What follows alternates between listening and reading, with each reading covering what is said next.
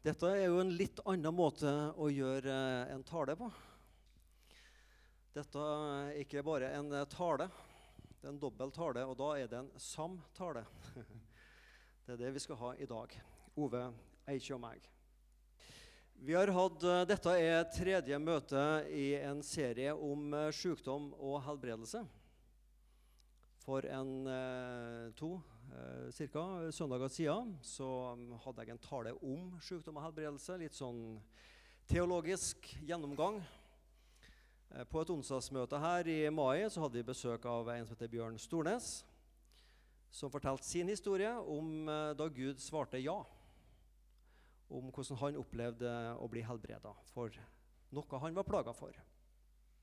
Og i dag så er det uteblivelse av helbredelse da Gud svarte nei. Og det skal Ove si litt om. Ove er kjent for oss som går her i Misjonssalen. Um, vi kan jo si det at uh, Ove, du er fra Tysvær, på feil side av fjorden. Alt dette om man står på, iallfall på sørsida. Du er på nordsida, Haugalandet, Tysvær. Uh, Ove har uh, vært journalist i mange år, bl.a. i avisa Dagen.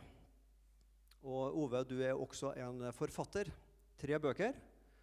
Den jeg husker best, som jeg leste for mange år siden, det er ei bok som heter 'Mer enn gull'. Og Der skriver du om en del sånn, både fotball- og idrettsprofiler som eh, har en kristen bekjennelse. I dag så um, skal vi snakke om da Gud svarte nei. Um, og dette er bildet av Bodil Eikje, Ove si første kone. Vi skal 16 år tilbake i tid. Mai-juli 2003. 53 døgn på Rikshospitalet i Oslo. Og i starten av juli, mens eh, noen tusen misjonsfolk er samla i Kristiansand til generalforsamling og har gode dager der med sol og varme og det som hører med, så kjempa du og Bodil en kamp for hennes liv på Rikshospitalet. Vi skal komme litt tilbake til generalforsamlinga litt senere i denne samtalen. Men eh, nok snakk fra meg nå. Eh, Ove, Start med å la oss bli litt bedre kjent med Bodil, og gi oss et lite historisk tilbakeblikk hva som skjedde disse ukene. Bodil, født Hove, hun var fra Stavanger. Og Da jeg traff henne, så var hun uh, musikklærer på Fjelltun bibelskole. Samtidig hun reiste som uh, sang- og musikksekretær i det som heter Stavanger krets den gang. Og Hun kom fra en gild misjonsheim på Vaulen. Og vi møttes første gang, iallfall så jeg husker, på det som heter Solbukta-konferansen, som Misjonssambandet hadde hvert år i januar på Solbukta leirsted nede i Østfold. Det var en barne- og ungdomskonferanse. Og Der var hun med, og jeg var utsendt for Utsyn, som jeg jobber i da. Og Der treftes vi og prata sammen. Og siden så ble det noe mer. Vi forlova oss i uh, Jerusalem i uh, eh, 1981. I uh, juli 1981. Og så gifta vi oss året etter, i mai 1982. Det som vi visste allerede da, det var at Bodil hadde en veldig alvorlig hjertefeil som gjorde at hun hadde vanskelig for uh, høy aktivitet. Så hvis du gikk fort og fikk et høy puls, så fikk hun blå lepper og blå negler. Det var pga. denne hjertefeilen. Så slik var situasjonen da vi gifta oss i 1982. Og eh, Ettersom årene gikk, så, så ble hun eh, stadig eh, dårligere. Men jeg må også si det at vi tenkte svært lite på dette de årene, i alle fall de første årene vi var gift. Og vi kunne gå på turer og med noe springmarsj, sammen med Bodil. Det har jeg vel ikke hatt så mange av. Men det, det ble stadig verre og verre, dette. Og da vi begynte å komme utover eh, i 2002, så, så var det blitt veldig mye verre. Og Da var vi bl.a. en tur til Bremen i Tyskland, på en rytmesykehus der, et spesialist om de kunne se om de kunne gjøre noe med denne hjertefeilen, men de fant ut at de kunne ikke gjøre noen ting. Og Fra da av så var det bare én ting som eh, var aktuelt, og det var en hjertetransplantasjon.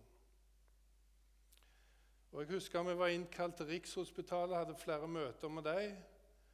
Og da vi kom ut på høsten i 2002, ja, da fikk vi litt av en overraskelse på et av de møtene på Rikshospitalet. De hadde funnet ut at det skulle ikke bare være hjertetransplantasjon, men det skulle være hjerte- og lungetransplantasjon sammen. Og Det var jo straks mye verre. Det, det skjer ikke så veldig ofte. Men Bodil ble sett på lista for transplantasjon den høsten. Og hun var da den eneste i Norge som skulle ha hjerte- og lungetransplantasjon på det tidspunktet.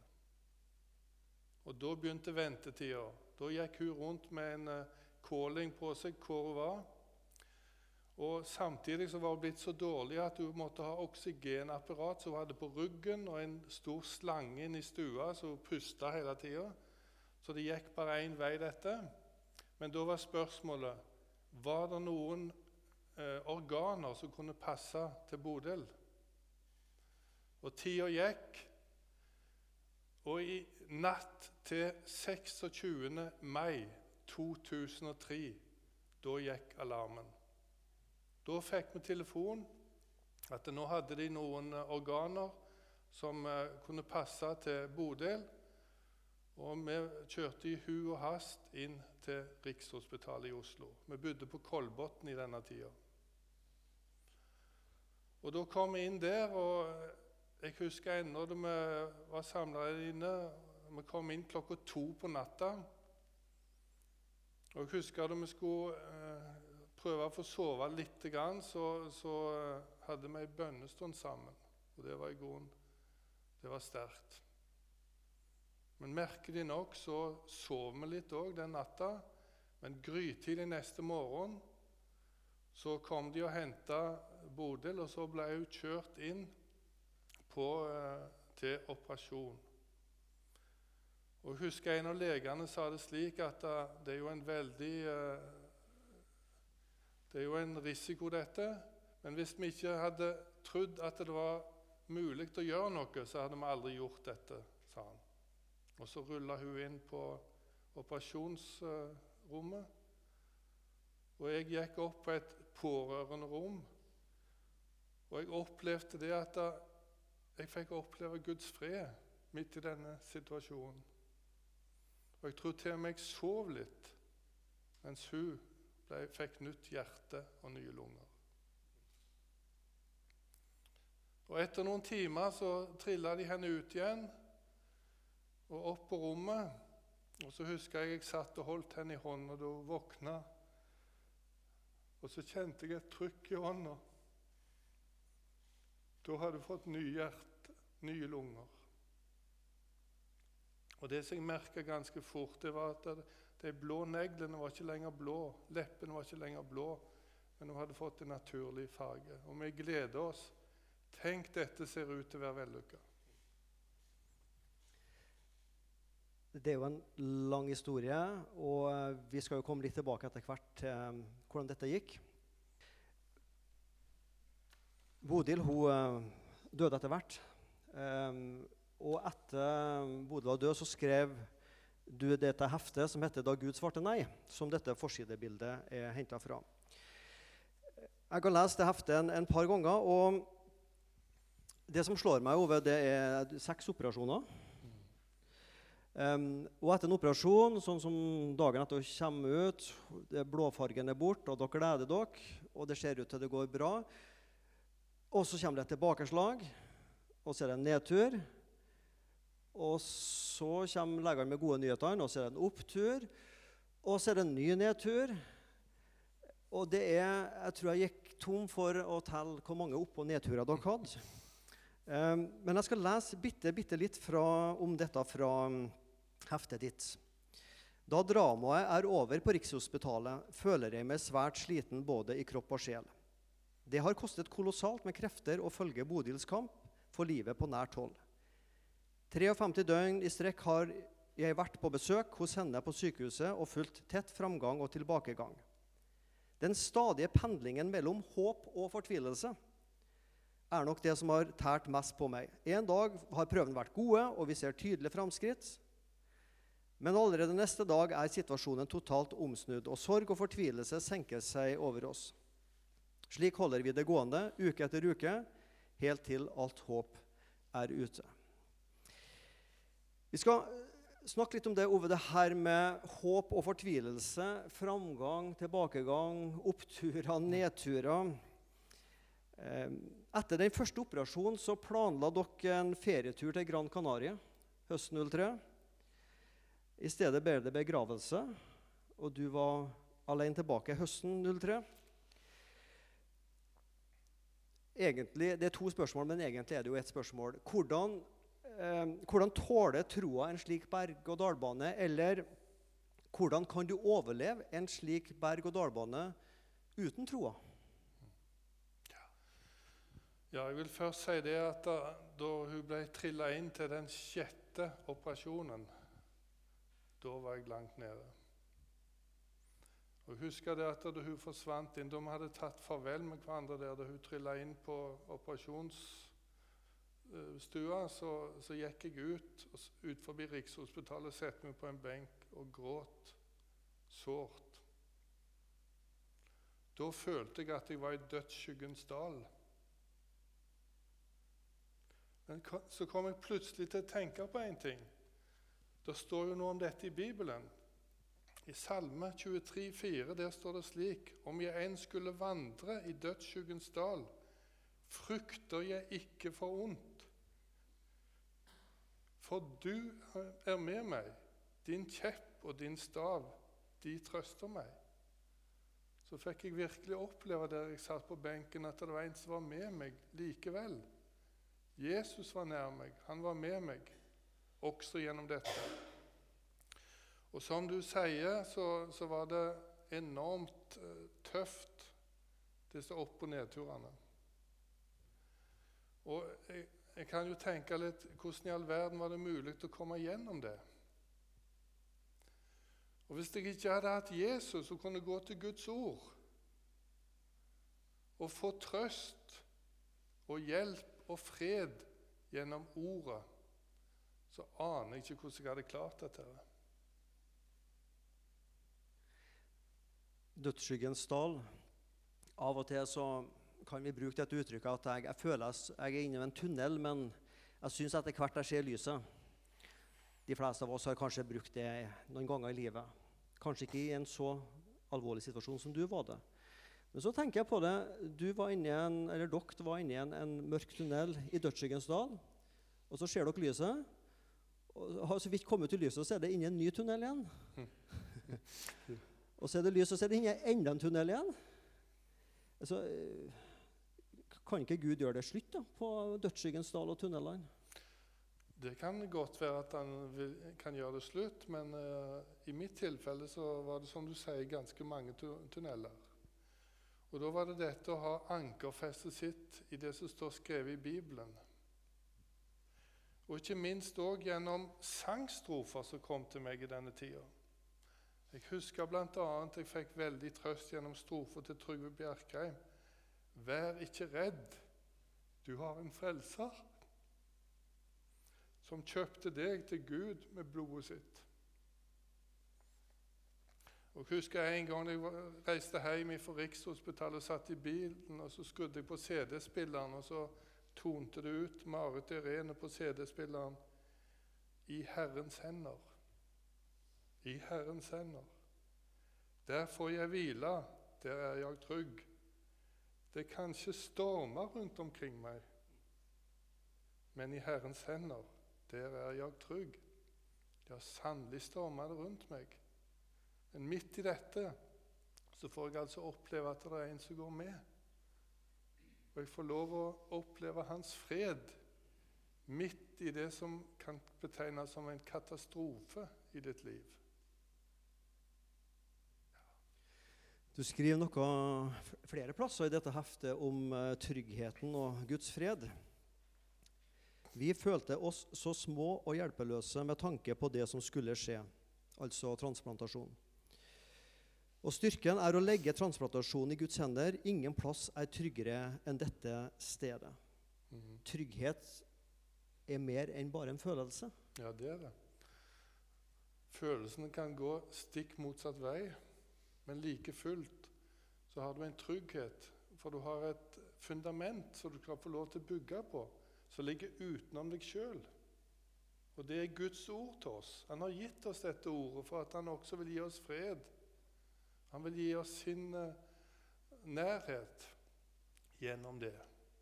Og det har vi opplevd, og det er et vitnesbyrd. Mang en gang så fikk en oppleve dette, at han gikk med midt gjennom orkanen som det var. Ja, for Du bruker det uttrykket en plass eh, i boka 'å hvile hos Gud midt i den orkanen som jeg nå befinner meg i'.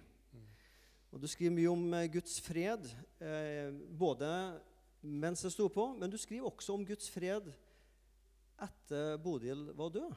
Ja. Si litt om det. Mm. Jeg husker en spesiell opplevelse. Det var vel noen uker etter begravelsen eller etter den. Og Da satt jeg hjemme i leiligheten på Kolbotn, og så jeg, da var jeg langt nede. Og da måtte jeg rope til Gud Nå må du ta deg av meg, Herre. Og der og da så opplevde jeg virkelig det. Jeg kan ikke forklare det, men han kom nær på en spesiell måte. Og så ga han kraft og styrke da, gjennom det som jeg skulle være med på videre. Og som det står i 5. Mosebok 33, 25, som dine dager er, skal din styrke være. Og det må jeg si i mitt vitnesbyrd. Midt i at det var tøft og vanskelig etter å ha mist ei kjær kone, så var det likevel noe som støtta, og det var Herren. Vi er i starten av juli 2003, og som jeg nevnte innledningsvis, eh, en del av oss var i Kristiansand på generalforsamlinga til Misjonssambandet. Og Du skriver nå i boka om um, mailer fra folk eh, fra over hele verden. Det var bønnemøter i uh, Sør-Afrika, skriver du noe om. Um, og så er vi altså på generalforsamlinga, eh, og eh, noen tar kontakt med deg og spør om vi som generalforsamling skal be for Bodil. Og det sier du ja til. Og da tenker jeg Da er det ikke bare én og to eller en familie på og slekt på ti som ber. Nå er vi liksom noen tusen mennesker samla. Da må det virke, liksom. Nå, nå, nå, nå hører jeg Gud. Nå skal det skje. Altså, når en mener så mye folk ber til Gud sammen, liksom, da, da må det skje noe. Ja, det var utrolig sterkt. Jeg satt hjemme i leiligheten på Kolbotn og så hørte på Norea Mediamisjon, sendt fra møtene. Og Der fikk jeg også høre da de ba for Bodil. Og det tok jeg opp, og senere seinere også delte med Bodil på Rikshospitalet. At de ba for henne. Og jeg tenkte det som du sier, altså da det er 5000-7000 som er i bønn, så er jo Gud nødt til å svare ja til det. Og jeg var temmelig sikker i min enfoldighet på at nå skulle det skje en endring. Nå skulle hun bli frisk på et blunk. Og hvis Gud ville, så kunne han gjort det. Men å be, det er ikke en ordre, men det er en rett som vi har. Og så svarte han nei også på alle disse bønnene fra tusener av misjonsvenner i Kristiansand. Nei, jeg vil jo tro, eh, Ove, at eh, ja, Du skriver jo litt om det også, at du var, du var innimellom irritert på Gud. Eh, litt oppgitt over at Gud ikke svarer slik som eh, du vil. Hva gjorde det med ditt gudsbilde, det å til slutt måtte innse at Gud svarte nei på din og mange sine bønner om at Bodil skulle bli frisk? Jeg husker spesielt en morgen eh, da jeg hadde fått en dårlig telefonmelding fra Rikshospitalet at det gikk veldig dårlig. og Jeg reiste innover mot uh, Oslo, og, og, da følte jeg meg litt sånn irritert og tenkte at skal dette aldri ta slutt, liksom? Og Jeg husker jeg kom inn til Bodil, og, og hun uh, eh, merka at jeg hadde ikke helt godt. Og så sa hun det at uh, jeg, kan, jeg kan ikke hjelpe for det', sa hun. Husker jeg. og jeg måtte si det at jeg hadde ingen, uh, ingenting imot henne og sånt, men Likevel så var dette nær, og, og Gud tåler godt han at vi irriterer på han. Det gjør han absolutt. altså. Og, og, Vi skal jo vite det at vi ser jo ikke helheten, vi, selv om vi har et sterkt ønske om at ting skal skje. Så er det Gud alene i himmelen som ser den store helheten. Og jeg vil si det at da, da Gud svarte nei, så er det òg et svar. Han visste hva jeg, hva jeg ønska, uten tvil. Men likevel så svarte han nei på dette.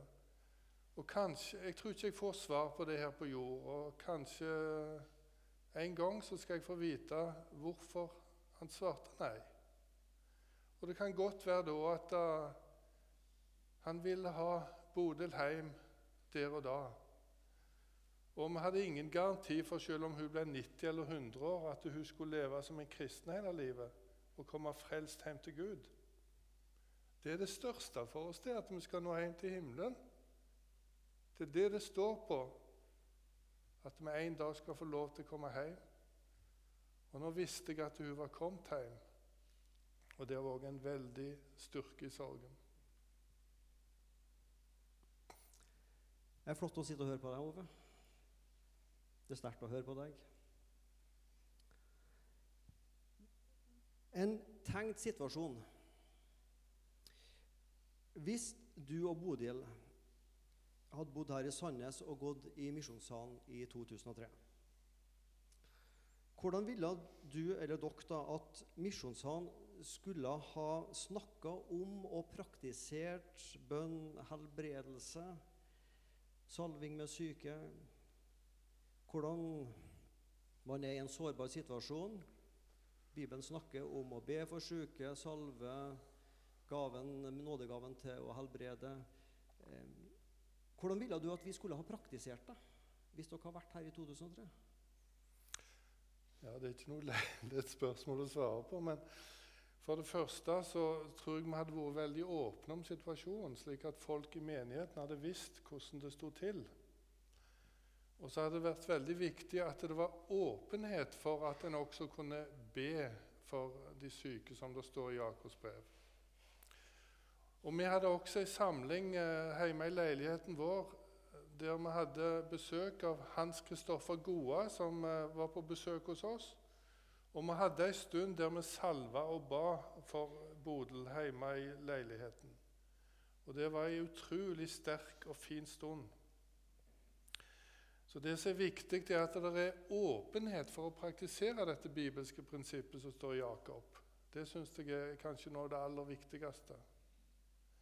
Og så syns jeg det er fint nå at du har tatt opp dette temaet nå gjennom disse tre møtene om eh, helbredelse og sykdom. Veldig bra. Jeg vil bare si litt grann, eh, om hvordan Bodil var på sykehuset. Altså, Jeg fatter ikke hvordan hun klarte å være så blid og så takknemlig gjennom hele dette oppholdet. Og Legene og sykepleierne undra seg og lurte på hvordan i all verden er det mulig å opptre på den måten, på dødens rand. Og ett år etter uh, etter at Bodil var død, så fikk jeg en mail fra en av sykepleierne som stelte Bodil, som var veldig glad i, som gjorde en kjempejobb. Hun sier bl.a. følgende her Jeg føler meg heldig som ble kjent med henne. Jeg har aldri opplevd en lignende pasient. Og Da sendte hun en mail til meg, og da ville hun gjerne ha tilsendt dette heftet. Og lese om det som skjedde, for det var en helt spesiell situasjon. Og Jeg husker jeg spurte henne en gang hvordan er det mulig hvorfor er du så, kan du være så blid. Og så da husker jeg hun svarte det hjelper jo ingenting om en er sur. så det var, det var et sånt vitnesbyrd som hun hadde blant de som eh, møtte henne der på sykehuset, at jeg tror Gud brukte det òg. Dette er et aktuelt tema. Generelt sykdom og helbredelse. Alle her mer eller mindre kjenner til sykdom. Men også det med å miste en ektefelle, det å miste en foreldre. Det er flere i vår forsamling som har opplevd det. At uh, mor eller far altfor tidlig døde, eller at ektefellen gikk bort så altfor tidlig. 25 år gammel så blir du gift. 46 år gammel så blir du enkemann. I heftet så skriver du om dagene, dagene etter at blomstene fra begravelsen har visnet. Jeg syns det var et sånn eh, interessant uttrykk. Og litt om veien videre når resten av samfunnet vender tilbake til sin vante gang. Um, mm. Det ble noen tunge dager, men så begynte det å bli en fin lysning etter hvert. Ja. Mm.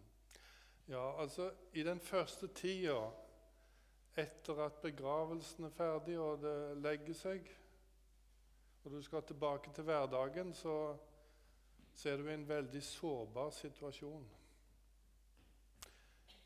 Og jeg husker det at det bare en setning som folk kunne si, som de ikke mente noe vondt med, de mente det heller godt, det kunne, få, det kunne være tungt. Jeg husker bl.a. noen som sa det at ja, nå skal du vel selge leiligheten din når du er blitt alene, og finne en annen plass. Som om jeg ikke skulle få lov til å bo i den fine leiligheten også sjøl etter at jeg var blitt alene. Og så husker jeg andre samtaler. Det var en av eh, naboene i blokka der hun bodde, som sa det at hun kondolerte da hun traff meg, og så sa hun det det var alltid så kjekt å snakke med Bodil. Og Sånne setninger de gjorde enormt mye godt.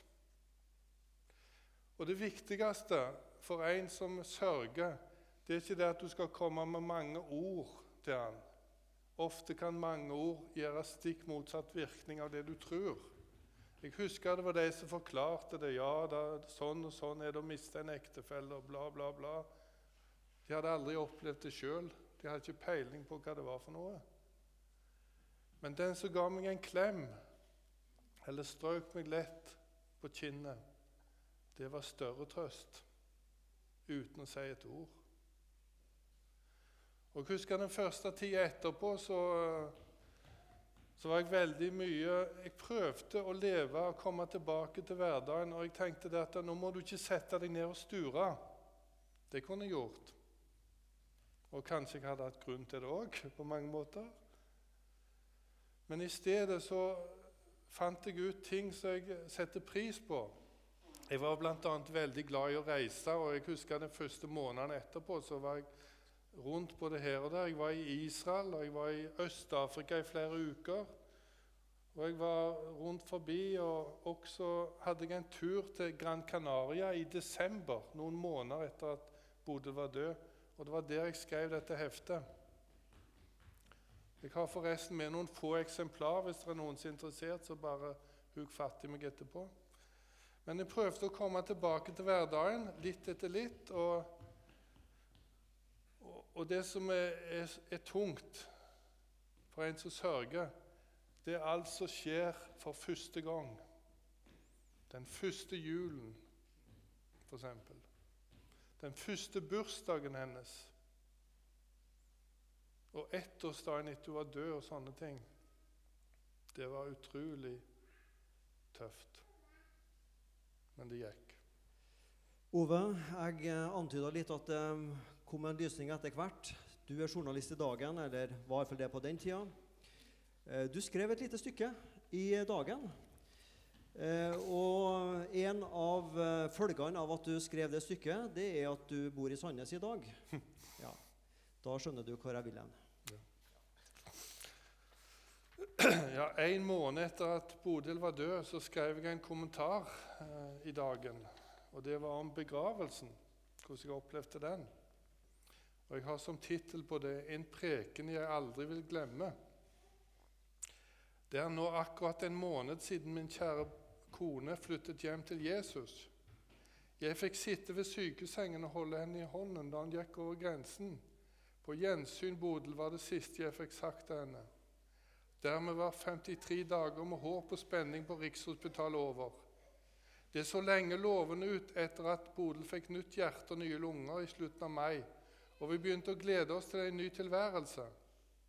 Mange hadde også bedt om at hun skulle bli frisk, men Gud svarte nei på disse bønnene. Herren hadde andre planer, som i evighetens lys er mye bedre. Han flyttet Bodil hjem til himmelen. For oss er det uforståelig og smertefullt. Men vi bøyer oss i ydmykhet for Guds planer, som er langt høyere enn våre tanker, og som har evigheten som mål. Det aller viktigste for oss mennesker er å nå frelst hjem til Herren. Selv om begravelsesdagen var vanskelig, ble det likevel en dag preget av velsignelse og håp.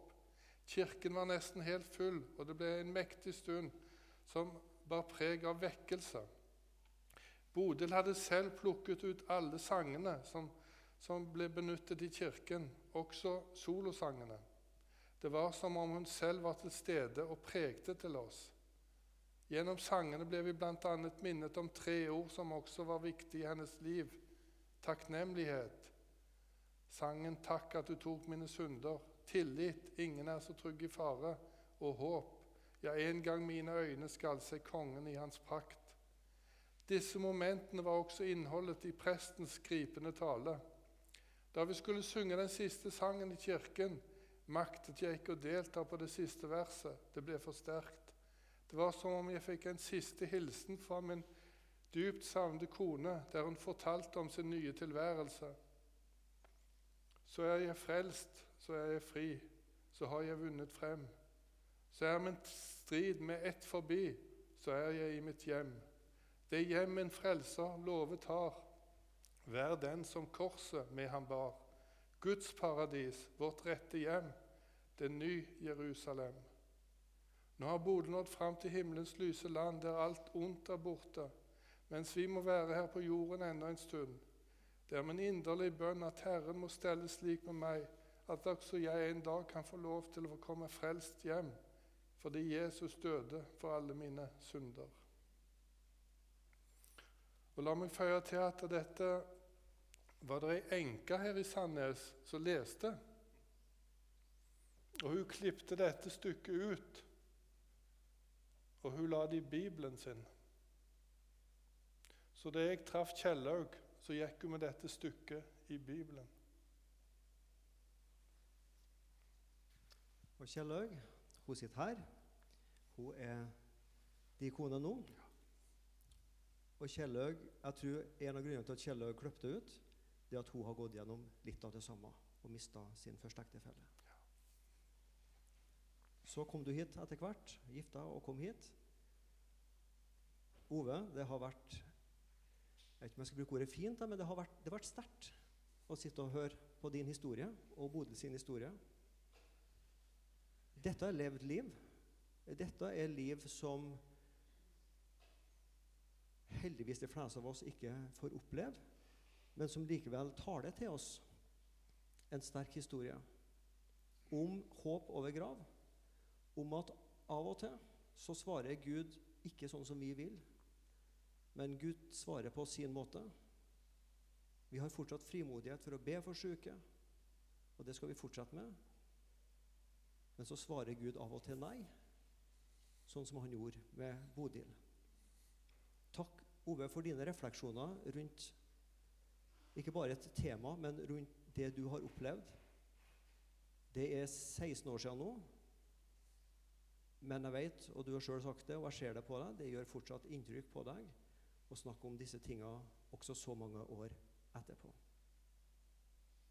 Så tenker jeg også dette kan være til trøst for oss om vi sjøl er i en lignende situasjon, eller kjenner folk som er i en lignende situasjon, men også trøst fordi at vi, vi kjenner det at troa på Jesus Kristus, det håpet vi har, den evigheten som vi har foran oss eh, og det som jeg tenker at Tenk hvis jeg ikke hadde det.